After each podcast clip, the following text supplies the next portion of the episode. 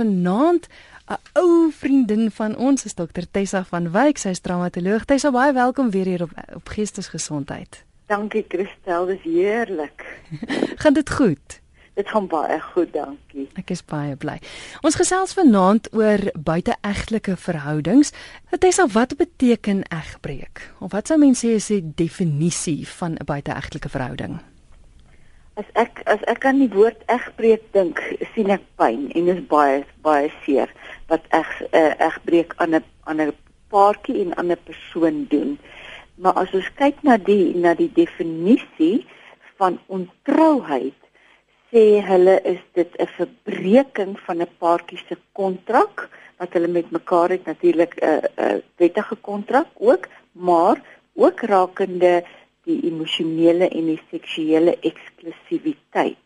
So daai hele ding word dan gebreek en word oortree. 'n Buiteegte of 'n egbreek beteken is buite die huwelik 'n seksuele verhouding wat moedwillig en kwaadwillig. Dis nogal twee sterk woorde daai inmeng in die bestaande huweliksverhouding. En dan die die definisie wat hulle in die wet gebruik in die howe is vrywillige seksuele omgang tussen 'n getroude persoon en 'n ander persoon wat nie sy of haar getroude eggenoot is nie. Dis wat hulle in die wet gebruik.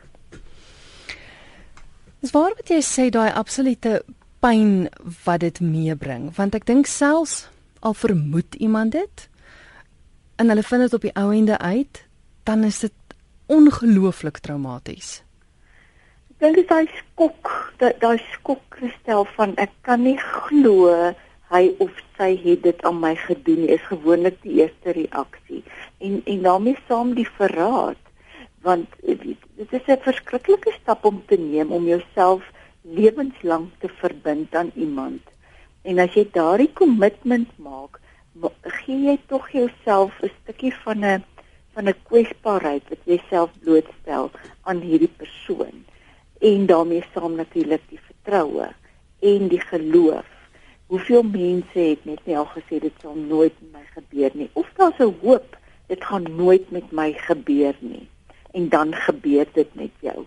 Dit dit ruk letterlik die mat onder jou voete uit. En soos wat jy reg gesê het, dit laat jou getraumatiseerd agter. Ons gaan nou kyk na die effek van die trauma. Dis is egbreek 'n uh, 'n groot rede vir egskeiding. Ehm volgens die Bybel en baie ander gelowe is spesifiek boeddhisme ook word dit gegee as een van die redes wat redes wat 'n uh, egskeiding regverdig. Ehm uh, volgens die landwette ook kyk hulle en sê dis 'n genoegsame rede om te skei. Nou as ons van die woord egbreek bietjie gaan ontsyfer en ons trek hom uitmekaar uit, dan kyk ons na wat doen 'n egskeiding aan jou as mens. Dit verlaag jou kwaliteit. As ons net bietjie na da, na die verklarende woordeboek ook gaan kyk, jou waardes verlaag, jou karakter verlaag. Hulle hulle vergelyk dit om byvoorbeeld water by melk te gooi. Jy verdun. Eh uh, dis om iets te verrot. Nou as jy net na hierdie goed kyk, dan sou ek sê jou huwelik word verrot en dan kan mens éventueel sê dit is 'n genoegsame rede. As dit op so 'n plek afhangende ook hoe lank en die intensiteit van die pyn wat daarmee gesaam saamgaan. Want as iets verrot dan gooi jy dit gewoonlik weg. En dis wat gebeur natuurlik met die huwelik. Hy verrot éventueel hy verdun. En dit is partykeer baie baie moeilik uh, om daai toutjies weer op te tel en dan is dit makliker vir 'n paartjie om eerder te skei en van voor af te begin saam met iemand anders. Mm. Ek weet jy ek en jy gepraat het oor oor die tema vir vanaand het jy gesê dis eintlik 'n verskriklike algemene ding dis 'n baie relevante tema. Hoekom kom dit so algemeen voor? Ehm um, ja, daar is verskriklik baie redes. 'n Partykeer wonder ek of dit nie net vir my mode is nie in vandag se tyd nie. Maar eh, ek dink dit is baie meer uh, diep onderliggende probleme in die huwelik wat al jare kom wat ons nie hanteer nie en dan uh, ons ignoreer dit en dit is amper soos 'n krakie in 'n huwelik. En dan word hy net groter en groter en so beweeg mense weg van mekaar af. Die die funksie van of die die die belangrike van 'n huwelik kristel is twee individue kom by mekaar en hulle word 'n een eenheid.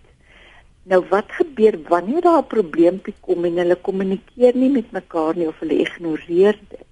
Dan word daai eenheid gebreek en in steede van om saam te staan, draai hulle teen mekaar. En dis dit is partykeer goed waarvan mense nie regtig bewus is dat dit 'n groot effek het op die huwelik nie. En wat dan gebeur, ehm um, op die regte tyd, die regte persoon kom verby en hulle doen iets wat jou aktiveer letterlik en dan raak jy betrokke. Want dit wat in die huwelik die probleem is kan jy nie meer hanteer nie want hy het net te groot geword. Hmm. en dan aktiveer hy natuurlik jou in 'n in 'n buiteegtelike verhouding in. Verkeerde huweliksmaat kan ook wees dat jy reg van die begin af 'n verkeerde persoon gekies het jy het vir verkeerde redes met hierdie persoon getrou en nou kom die regte of 'n ander persoon en nou begin jy die velde toe. Emosionele gewonde persoon uh wat by by seksuele verhoudings is asof hy of sy aanvaarding soek by al al die ander plekke want kry nie genoeg by jou vrou of by jou man nie. Daai erkenning, daai emosionele onsekerheid. Seksuele verslawing kan ook 'n probleem wees dat jy letterlik uh, as gevolg van perversiteit of pornografie begin het om 'n seksuele verslawing te ontwikkel en dan moet jy buite die huwelik gaan vir satisfaksie. Uh seksuele fantasieë, internetverhoudings, Facebook. Hierdie goed is deesdae 'n nuwe ding ehm um, wat ons tot ons beskikking het wat mense wat wat sal sê ek sal nooit in my lewe 'n buiteegtelike verhouding hê nie en hê nie en dan begin hulle op Facebook uh en voor hulle konkreet is hulle in 'n buiteegtelike verhouding. En 'n ander ding wat wat baie hartseer is, 'n voorbeeld wat jy by jou ma of jou pa gesien het. Dit is hmm. standaard. En dan dit is amper die sondes van die vaders spoel dan oor. Dis interessant wat jy nou noem van van die Facebook en die sosiale media en goed. Mense ontmoet mekaar daar. Dit loop nie noodwendig uit op 'n seksuele verhouding nie, maar word dit nog steeds gesien as egbreek. Weet jy, ek ek sou nogal so sê want jy wat gebeur wanneer jy jou fokus wegvat van jou huweliksmaat af? Hmm. Dan begin daai verdunningsproses. Dan begin die verrottings So jy begin onmiddellik op iemand anders te fokus en in iemand anders se lewe emosioneel belê. En en dit is dit hoort tog binne in jou huweliksverhouding. Uh, Veral as jy op so intieme vlak begin, intiem emosioneel ook self, mm. begin belê in iemand anders. Jy bring iemand anders in jou huwelik in. En vir my is dit ontrou. Ja. Ek gesels met die traumatoloog, dis dokter Tessa van Wyk, ons gesels oor buiteegtelike verhoudings. Kom ons kyk gou na daai trauma wat die persoon beleef wie se maat die egbreek gepleeg het. Verduidelik bietjie daai trauma. As ek as ek kan begin om net 'n paar emosies te gee wat wat so 'n persoon ervaar, is natuurlik hy skaamgevoel van jy sê ek kan nie glo gaan ek dit my vriendinne sê hoe gaan ek dit my vriende sê hoe gaan ek dit my familie sê? Skuldig wat het ek verkeerd gedoen? Natuurlik blameer jy jy het woede ons ek kan net dink wat se tipe woede. Jy's teleurgestel jy's verleë jaloesie skop in van is die ander vrou mooier as ek? Wie is die ander vrou? En ek weet baie vrouens spesifiek wil detail weet hoe lyk die ander vrou? Ehm um, weet is hy beter as ek in die bed en al sulke goed. Ontkenning kan ook inskop en dan natuurlik die, die die totaal en al van van troue. Meeste mense ervaar verwerping van ehm um, jy het my weggegooi. En daarmee saam is daai verraad ding van jy jy jy het ons hele lewe weggegooi saam, ons drome weggegooi saam en jy het my verraai. 'n Verlies van geborgenheid tussen die paartjie word ook ervaar. Daardie band is gebreek. ehm um, totaal en al 'n wantroue. Jy begin letterlik alles agter die bos raak sien. Goed wat nie jy, jy verloor eintlik perspektief. En dan meeste trek dit persoonlik aan en onmiddellik die eerste vraag is ek is nie goed genoeg nie. Wat het ek verkeerd gedoen? Het ek te vet geword? Trek ek nie meer mooi aan nie? En jy sal ook sien baie vrouens spesifiek voel ek is nie meer seksie genoeg nie en gaan ook sommer dadelik op 'n dieet.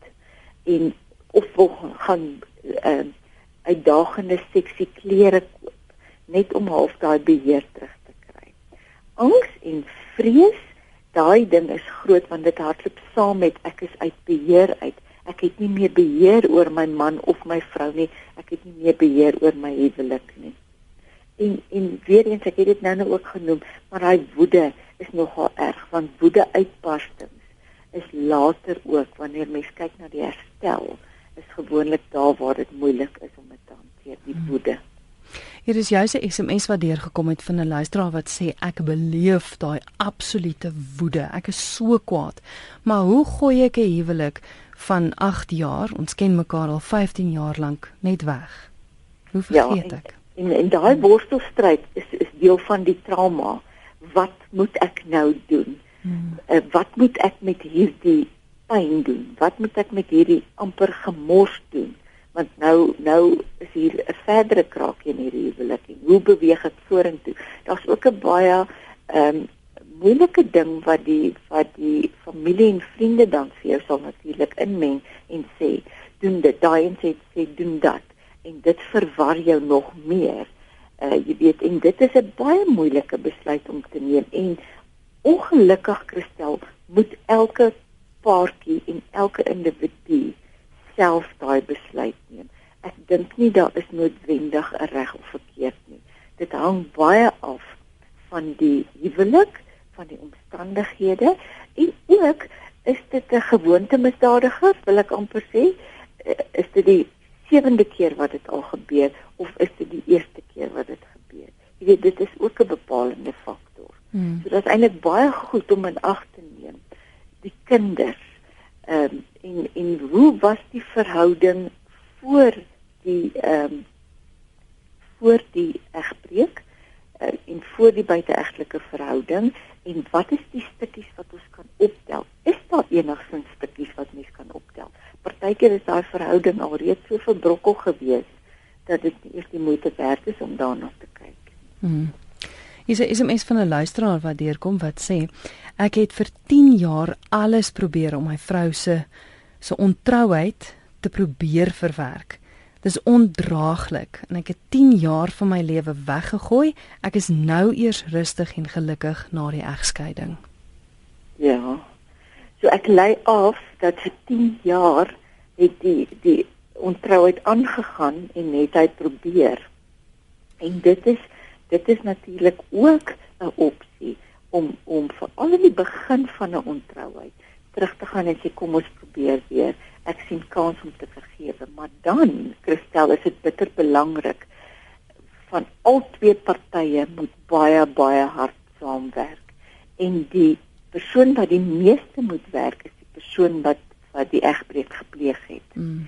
En werklik daai daai ding stop en sê ek gaan my alles gee en myself weer van voor af opnuut verbind aan my huweliksmaat. As dit nie gebeur nie, is dit werklik soos soos die SMS sê 10 jaar gemors. Want dan het jy net nie daai kommitment van 'n ander persoon nie.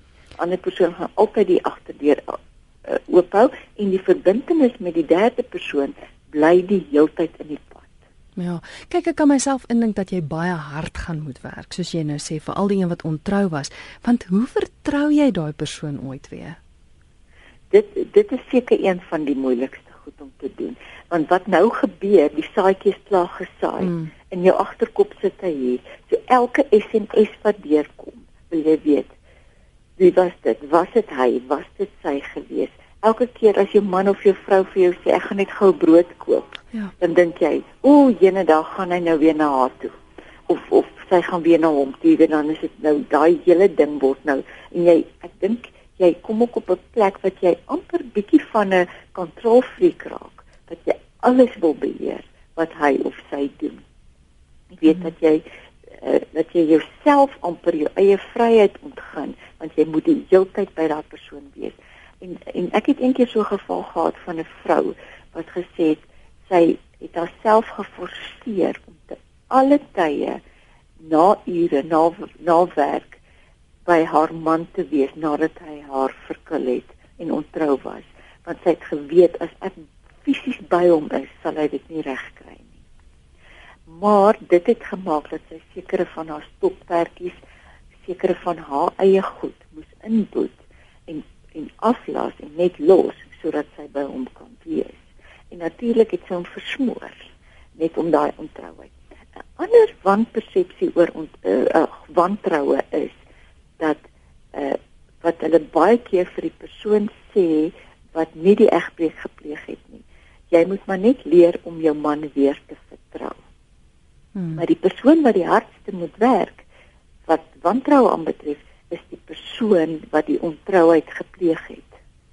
Want jy moet uit jou pad uitgaan om seker te maak jou man of jou vrou gaan jou weer vertrou en dit is baie klein eenvoudige goedjies wat jy kan doen. As daar 'n SMS deurkom wys die SMS vir al die eerste eerste of tweede maand as jy besluit dat jy gaan weer probeer. As iemand gebel het sê dit is nou Petro van die ehm um, werk wat gebel het en sy wil net reël vir môre se vergadering. Onmiddellik stel jy daai persoon gerus.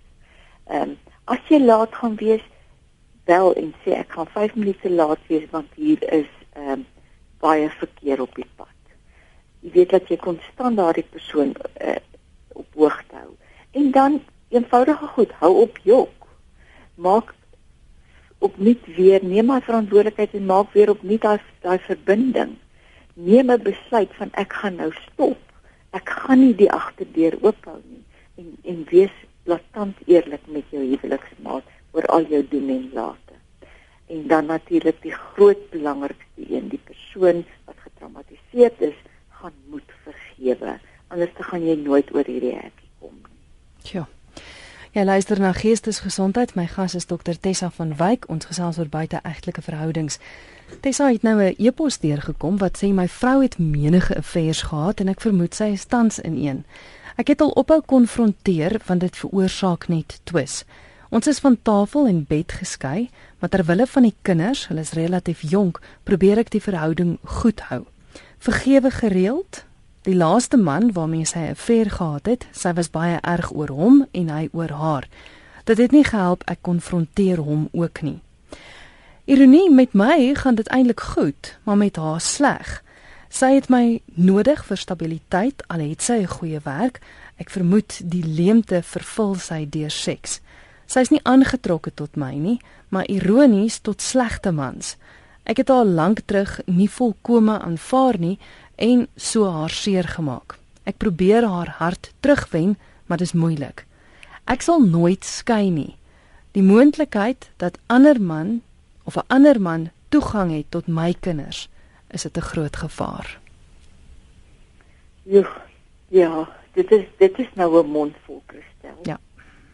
As ek so vinnig net kan opsom wat hy gesê het, uh, ek het ek ek bewonder hom vir die besluit wat hy geneem het vir die kinders. Mm.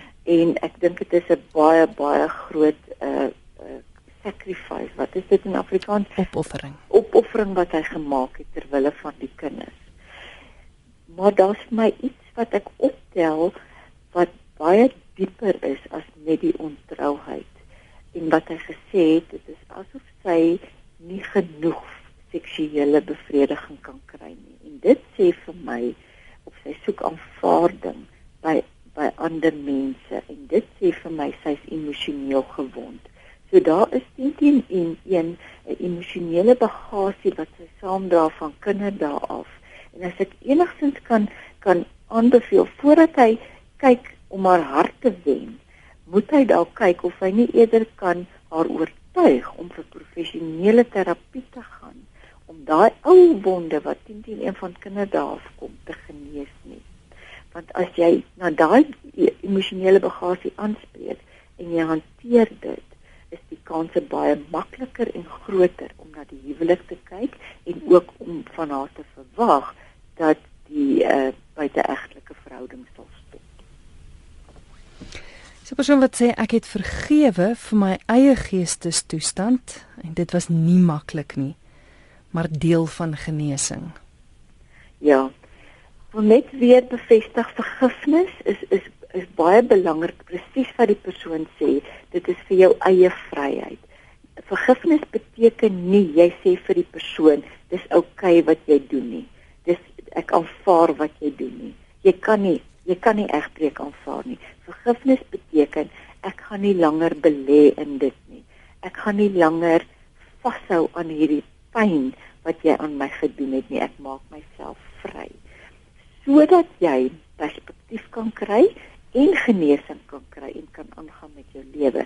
Want vergifnis hou jou eintlik vas sodat jy nie kan aangaan nie. Al is jy geskei, sal jy nog steeds moet vergewe. Hmm. Vergifnis beteken egter nie noodwendig dat jy weer met hierdie persoon moet aangaan met die huwelik nie. Ah, dit dan baie ja. keer gaan dit saam en jy moet vergewe. Dit is dit is 'n definitief. Maar vergifnis gaan nie noodwendig saam met huwelik red nie. Ja, sê jy vergewe maar jy vat hom of haar nie noodwendig terug nie. Noodwendig terug mm. nie. Ja.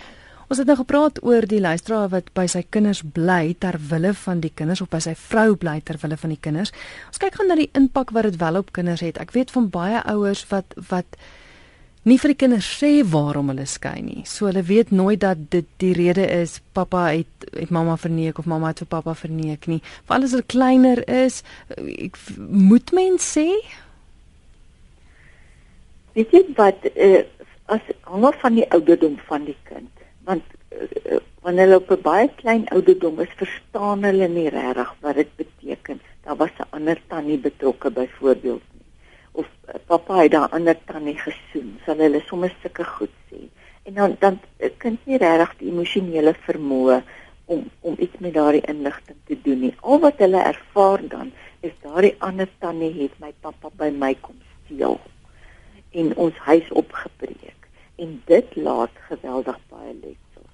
As jy 'n hoër ouderdom wel die inligting wil deel, dink ek moet dit saam met 'n verantwoordelikheid gaan van jy moet sekere goed verduidelik en ook daai verantwoordelikheid neem die persoon wat wel die egbreek gepleeg het en gesê ek vra om verskoning of ek vra vergifnis, ek het gefouteer maar nie die ander persoon jou vrou of die ma of die pa sleg maak nie want ongelukkig Christel, dis daar baie weer eens kom terug met die woede, baie woede in so 'n situasie. So die manier hoe hulle dit vir die kinders oorvertel is Pappa het weggeloop en hy het dit en dit en dit aan ons gedoen. So jy jy gebruik dit half om 'n mes in te kry om jou eggenoot seer te maak. En die effek van van eg breek op kinders is dit is as veral as dit saam met ehm um, egskeiding gaan, dit beïnvloed hulle sin van veiligheid. Hulle is emosioneel voel hulle ons huis is opgebreek, ons is nie meer veilig nie. En baie kinders wat wel weet van die egbreek, elke aand as pappa laat werk, dan dink hulle ag, hy's weer by die ander tannie. Ons is nie belangrik vir hom nie. Hmm. Of ehm um, as hy sien nou maar uh, eh, sy weer die aand 'n oproep kry en hy gaan uit weer eens kom daai ding van ons is emosioneel onveilig, ons word weggegooi. Dit verwar ook die want dit dit gee dubbele standaarde. Wat is nou reg en wat is verkeerd? Dis hoekom ek nou nog gesê het jy moet 'n verduideliking daarmee saam gee en sê neem my verantwoordelikheid en sê dit wat ek gedoen het is verkeerd. Dis nie die standaard nie. Die standaard is dis hoe jy huwelik eintlik moet werk. En dit vat kans om hierdie goed vir jou kinders te sê. Uh maar dit vat ook guts om 'n. Kinders ontwikkel ook onsekerheid oor hulle self. Ehm um, daai ding van is ek nou goed genoeg? Is ek nie goed genoeg nie? Gaan my kerel dit ook aan my doen? Gaan my meisie dit ook aan my doen? So daai hele onsekerheid word ook ehm, 'n um, verskriklike ding. En dan simptome wat uh, Christel wat uh, interessant is simptome wat kinders ontwikkel is hulle begin klouerig raak hulle wil nie jy moet gaan nie. Wanneer jy wel werklik na funksie toe moet gaan, dan dan wil hulle nie. Klein kindertjies begin bednat maak of duimsuig, daai tipiese ding, en dan begin hulle uitbarstings kry, daai tipiese tantrums wat hulle gooi. Daai negatiewe aandag wat hulle soek. Uh en nagmerries kan hulle ook kry.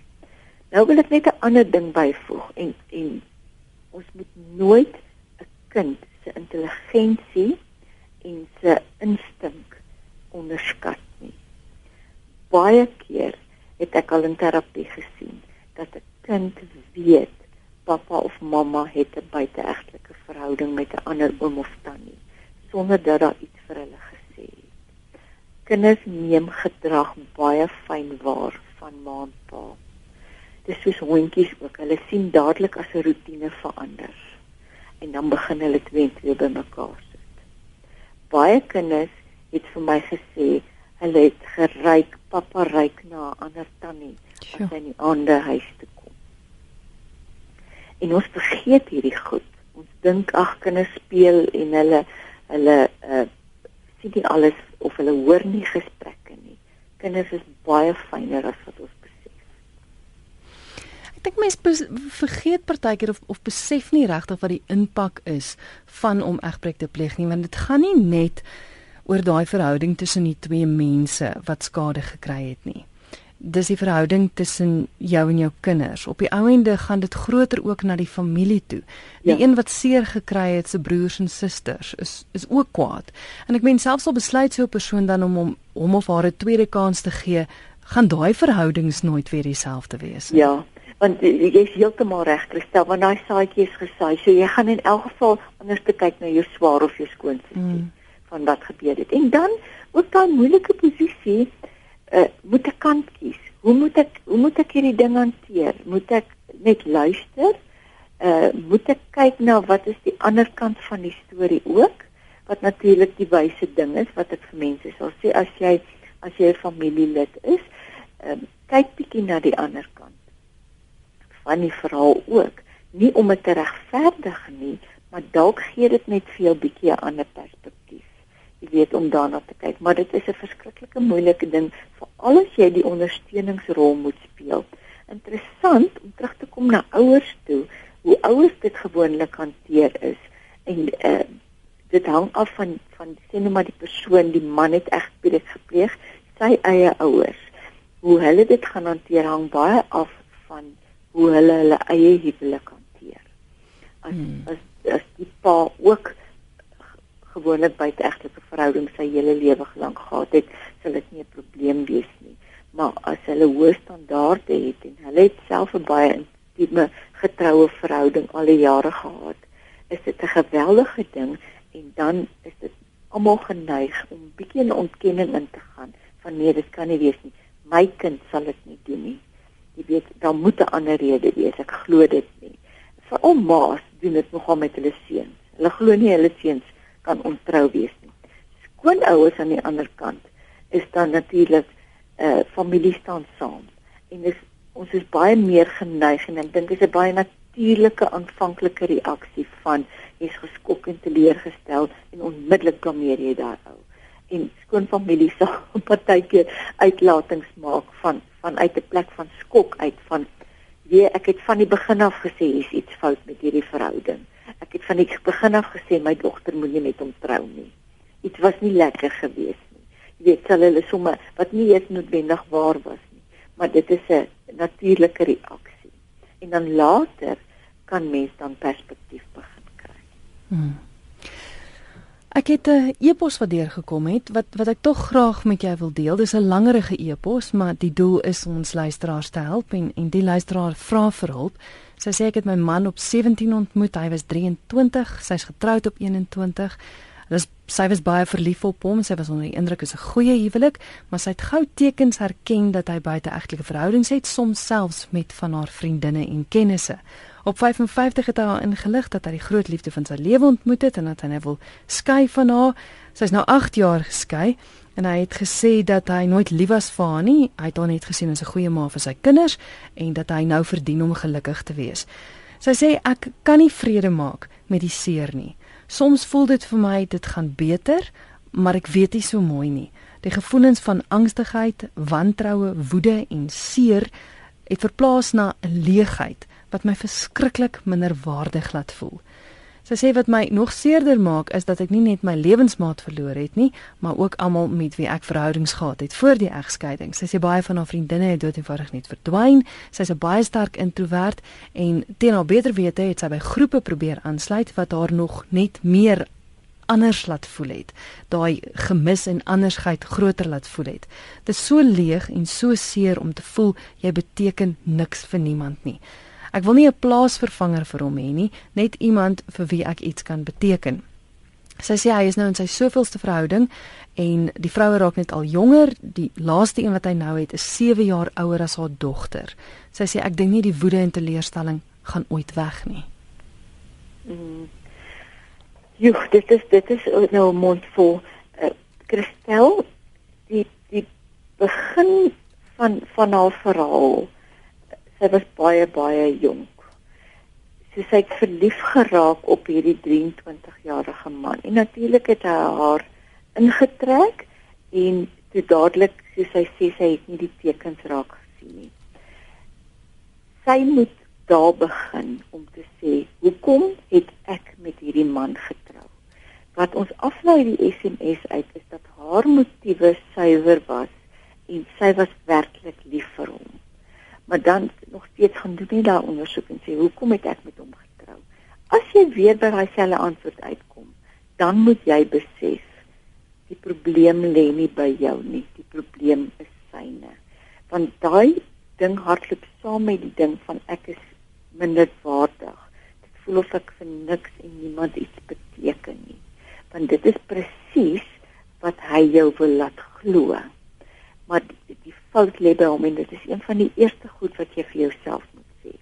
En dan moet jy deur daai proses werk om van daai woede en daai seer ontslae te raak. Want dit sit in jou onderbewussyn vas en dit is hoekom dit so moeilik is om van hierdie angs angs ehm um, in in self die leegheid ontslae te raak en dit te vul. En die ergste wat jy nou kan doen is om nou in 'n ander verhouding in te gaan. Doen jouself die guns en werk eers aan jou eie pyn. En een van die maniere om van daai woede en goed ontslae te raak is om dit te gaan konfronteer. Nou daar's verskillende maniere. Jy kan of gaan vir terapie of jy kan begin briewe skryf of jy kan letterlik 'n foto van hierdie man vat en dit uit hom uit of teenoor hom dit uitspoeg en net sê ek haat jou jy het dit en dit aan my gedoen en hoe meer jy dit gaan uitspoeg, hoe makliker gaan dit wees om dit te verwerk. 'n 'n wonderlike oefening wat ek altyd vir mense gee is as jy wel 'n brief vir hom skryf en jy kan 20 briewe vir hom skryf want jy gaan dit nie vir hom gee nie. Dit gaan net oor jy moet ontlaai, daai emosie moet uitkom. Want jy sê ook jy's 'n introwert, so dit beteken jy onderdruk bietjie van jou van jou pyn. Dis wanneer jy daai briewe geskryf het, skeer dit op, vat 'n ou roomhuisbak 'n plastiekbak, gooi dit vol water, gooi daai opgeskeurde briewe daarin en vlies dit. En dan is daai blok ys, sit jy een Saterdagmiddag op 'n grasperk en dan vat jy 'n hamer. En as jy soos wat jy daai goed kap, daai blok ys stukkend kap, spreek jy daai emosie uit. Die aksie saam met die die die die uitspoeg van die emosie is verskriklik helend ander oefening wat jy kan doen is letterlik om te sit jou oë toe te maak, hierdie man in jou geestesoog te roep dat hy voor jou staan en dan laat waai jy. Dan sê jy vir hom wat jy wil sê, jy kan hom skop, jy kan hom klap, jy kan sy hemp skeer, jy kan te kere gaan sy ore trek en sê wat het hy aan jou gedoen. Dis ook 'n manier om van die emosie te ontlaai. Hoekom hoekom lê ek so baie klem hier op gestel is wat ons partykeer doen, ons probeer te vinnig vergewe en dan gebruik ons vergifnis om emosie te onderdruk. Hmm. Jy moet eers vergifnis is verskriklik belangrik, maar jy moet eers jou emosie uitspoeg en ontlaai en sê hoe jy voel. Jy moet eers daai pyn konfronteer. En dan kom ons by vergifnis en sê vergifnis dien dan Tessa baie dankie vir die gesels. Ons kan nog lank gesels hier oor as luisteraars met jou in verbinding sou wou tree mag hulle. Hulle kan maar 082 804 9886 en my e-mailadres is steeds dieselfde, dis doc met 'n c tessa@gmail.com. Baie dankie en 'n mooi aand vir jou. Selfs vir jou Christel. Dit is Dr Tessa van Wyk met wie ek gesels het. Sy is 'n traumatoloog. Net gou weer haar kontakbesonderhede doc Tessa, dis die Engelse doc Tessa by gmail.com en haar nommer 082 804 9886. Is 082 804 9886.